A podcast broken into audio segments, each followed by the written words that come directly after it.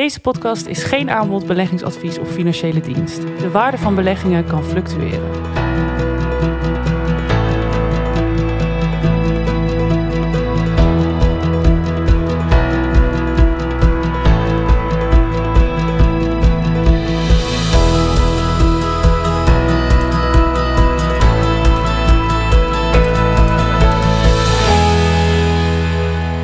Welkom bij de Stocktube en Stockpot van Bustelberg Vermogensbeheer. Over beleggen gesproken.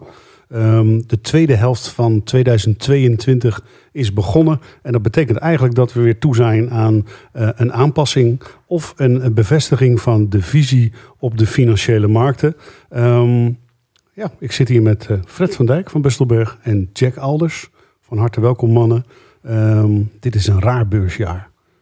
Uh, we hebben een oorlog in Oekraïne. We hebben een enorme inflatie.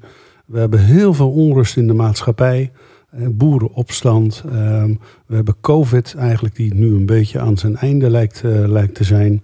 Um, stikstofcrisis. Ehm, het is allemaal niet heel erg leuk. En de beurzen staan per saldo ook zeker nog in de min. Maar als je kijkt naar hoe dat de laatste maand is gegaan, dan kunnen we echt wel spreken van een campingrally, Fred. Wie had dat verwacht? Ja, de meeste mensen en ook alle gewaardeerde analisten in de wereld hadden dat zeker niet uh, verwacht. Vooruitzichten waren gewoon bijzonder slecht. Hè? Een perfect storm wordt dan vaak gezegd. Oplopende rente, grote onzekerheid. Het vertaalt zich altijd in lagere koersen. Beleggers hebben een hekel aan onzekerheid. En langzaamaan worden de vooruitzichten, ik wil niet zeggen positief, maar er zijn toch ook wel een aantal positieve signalen die onverwacht zijn gekomen. Zoals? Uh, een van de rare dingen die mij opvallen is de werkgelegenheid. Die economie die draait gewoon door. Er komen steeds meer banen bij, sterker nog. In heel veel landen, niet in Nederland, maar zeker ook in Amerika, komen er bijzonder veel banen bij. Het afgelopen cijfer was een half miljoen banen en een werkloosheid in Amerika historisch laag, 3,5 procent. Mij nou, wordt wel eens gevraagd, Fred, uh, waar blijven al die mensen? Nou, dan zeg ik, volgens mij zijn er heel veel pakjesbezorgers nodig. En uh, de GGD's, en als we kijken naar Nederland, de GGD is ook weer aan het uh, werven om mensen te hebben die, die kunnen bijstaan met de, de, de laatste prikactie. Maar waar, waar, waar blijven die mensen op de arbeidsmarkt? Nou ja, in Amerika is er ongeveer een, groei nodig van 200.000 mensen per maand aan, aan werk gezien hun andere leeftijdsopbouw.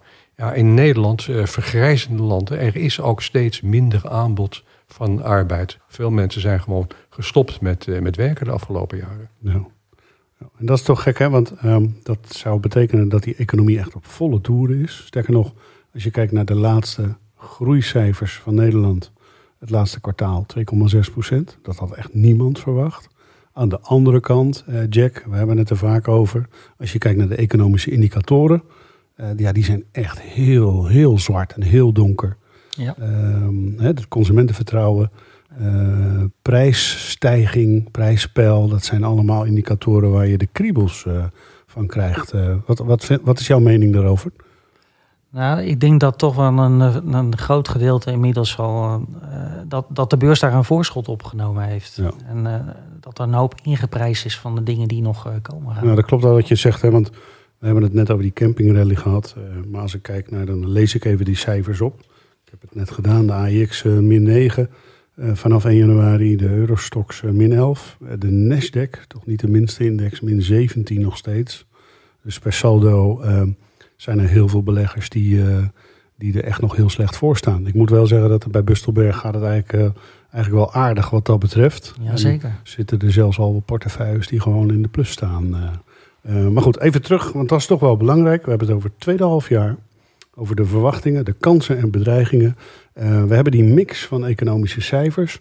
Een gierende inflatie nog steeds. Fred, wat kunnen we nog meer verwachten?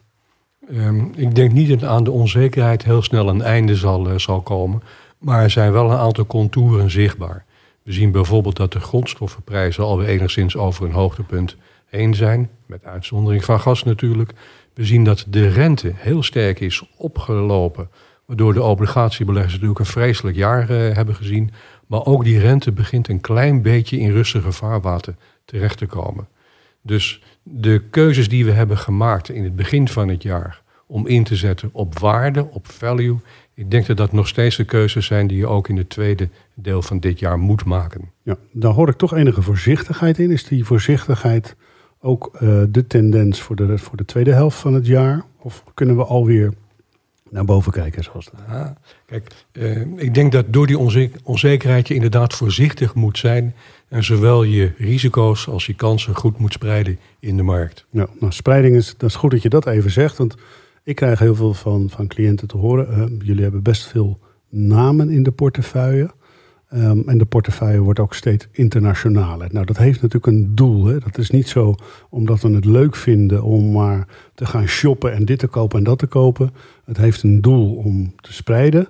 En we zetten juist wel in op kwaliteit. Jij zegt value, ik noem het kwaliteit. En dan het liefst uh, over de hele wereld. Um, sta je daarachter, Jack? Of zeg je van, joh, ik zou ook wel uh, weer wat minder namen willen hebben? Hoe, hoe zie je dat? Nou goed, uh, het heeft wel effect gehad op de, op de portefeuilles de afgelopen jaren. Dat, dat we een grote spreiding hebben aangebracht in de portefeuilles. Vandaar dat de portefeuilles niet zo ver omlaag gegaan zijn als diverse indexen. Ja. En uh, dus het heeft ook een voordeel om met een goed gespreide portefeuille aan, aan, de slag te gaan. De spreiding is je redding eigenlijk nu? Is eigenlijk de redding geweest, ja. ja, ja, ja Oké. Okay. Um, en de verwachtingen, Fred? Um, iedereen heeft het over gas, olie, uh, zonnepanelen, windturbines. Wat kun je daar nou doen zonder dat je op rood of op zwart gaat? Ja, je moet inderdaad de economische realiteit zien, zien te volgen. Grote delen van de wereld hebben niet zulke problemen zoals wij die hier in Nederland of Europa hebben. Dus kijk waar wel economische groei is. En kijk vooral waar de komende jaren de investeringen naartoe gaan. En daar worden natuurlijk op internationaal niveau hele grote keuzes gemaakt. Recent nog de wetgeving in Amerika, maar ook uh, in Azië. Men wil gewoon de afhankelijkheid van fossiele energie snel terugbrengen men wil ook de klimaatschade snel terugbrengen. Dat gaat niet over een paar maanden of kwartalen, maar dan praten we echt over een langjarige, langdurige beweging. Ja, en dan heb je het eigenlijk over, um, als je het sectoraal bekijkt, over de sector industrie. Waar wij dus inzetten op vergroening en verduurzaming door de grote industriële uh, bedrijven te kopen die, die daar een voorsprong in hebben, die daar een groot marktaandeel in hebben. Hè, toch weer even terug naar die kwaliteit. Niet te duur, maar wel een mooi groeivooruitzicht. Dat komt er nog niet echt helemaal uit. Hè. Sterker nog, dat hele vergroenings. Uh, um, het hele vergroeningsdeel van de, van de beleggingen heeft het juist heel slecht gedaan. Als ik kijk naar duurzame portefeuilles van de buurman en uh, van de grootbanken, dan ja, die staan echt nog fors in het rood. Is dit een moment om daar misschien toch iets meer mee te gaan doen? De optimist zoals ik ben, die zegt altijd: hier laat het succes nog even op zich wachten. Ja. Uh, misschien zijn we daar wat, wat vroeg mee, mee geweest, dat zou kunnen. Maar zeker de afgelopen weken, maanden zie je dat daar een versnelling aan het komen is. Ook veel van die aandelen zijn inmiddels op waarderingsniveaus aangekomen, waarbij je eigenlijk relatief weinig betaalt voor die toekomstige groei. Binnen de portefeuille moet je ook natuurlijk wel in de gaten houden dat je niet alleen maar groei nodig hebt, maar ook contant rendement. Dus de klassieke delen van de portefeuille, dat zijn onder andere de klassieke energieleveranciers. Die zorgen voor een stevige dividendbasis. Ja, en, dat, en, dat geeft een goede mix. Ja, inderdaad. Het is goed dat je dat zegt. Ik heb laatst uh, een portefeuille bekeken.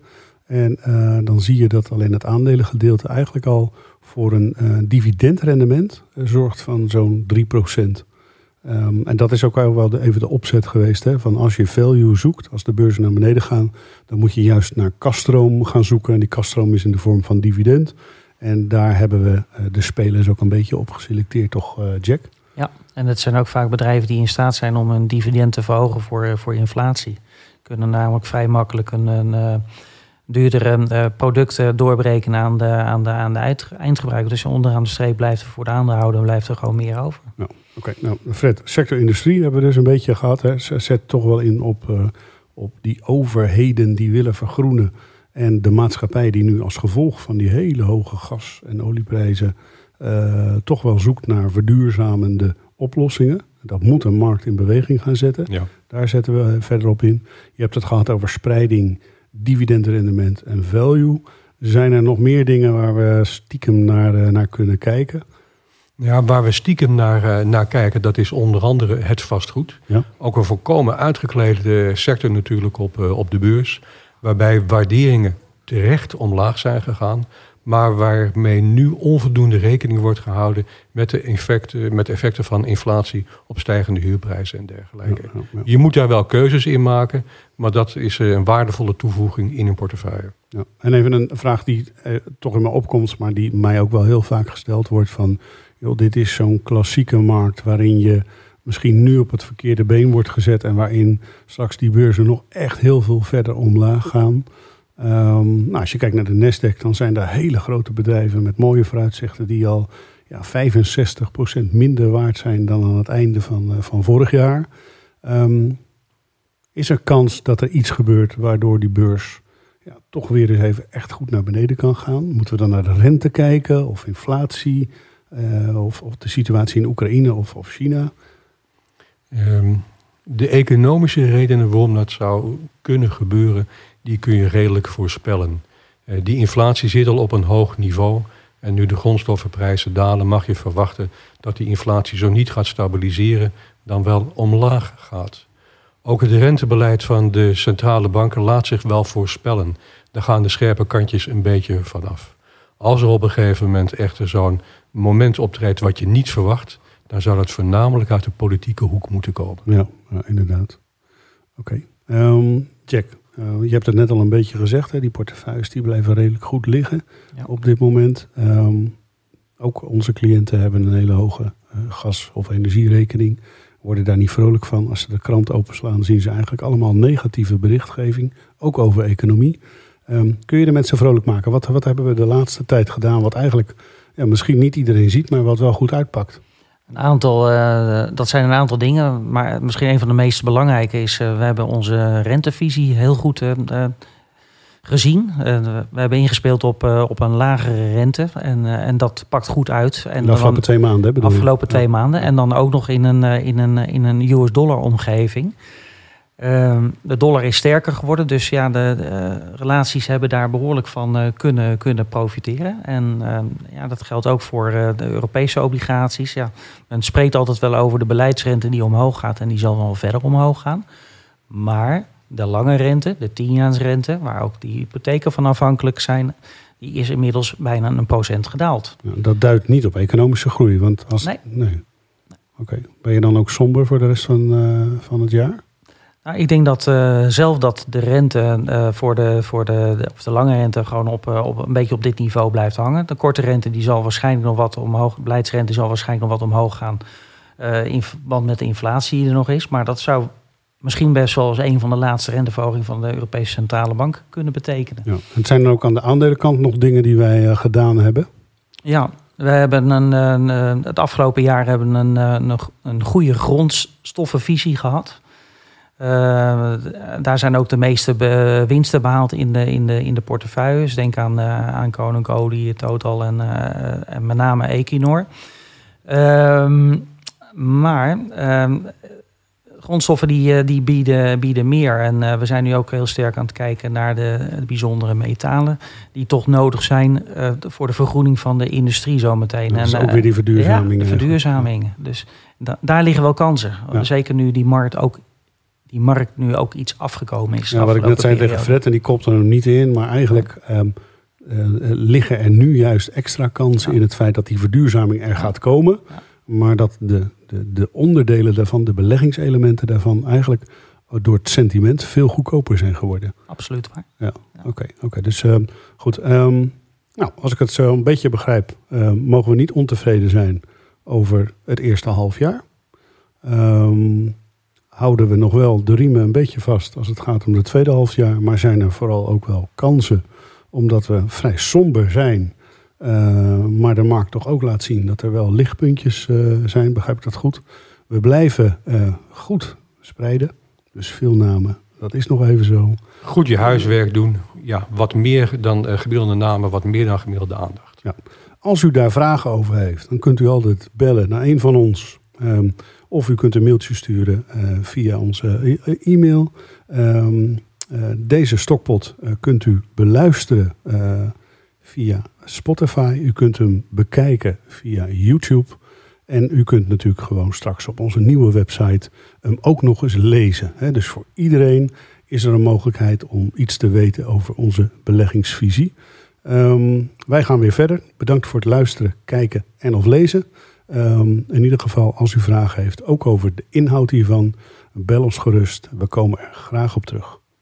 Tot ziens.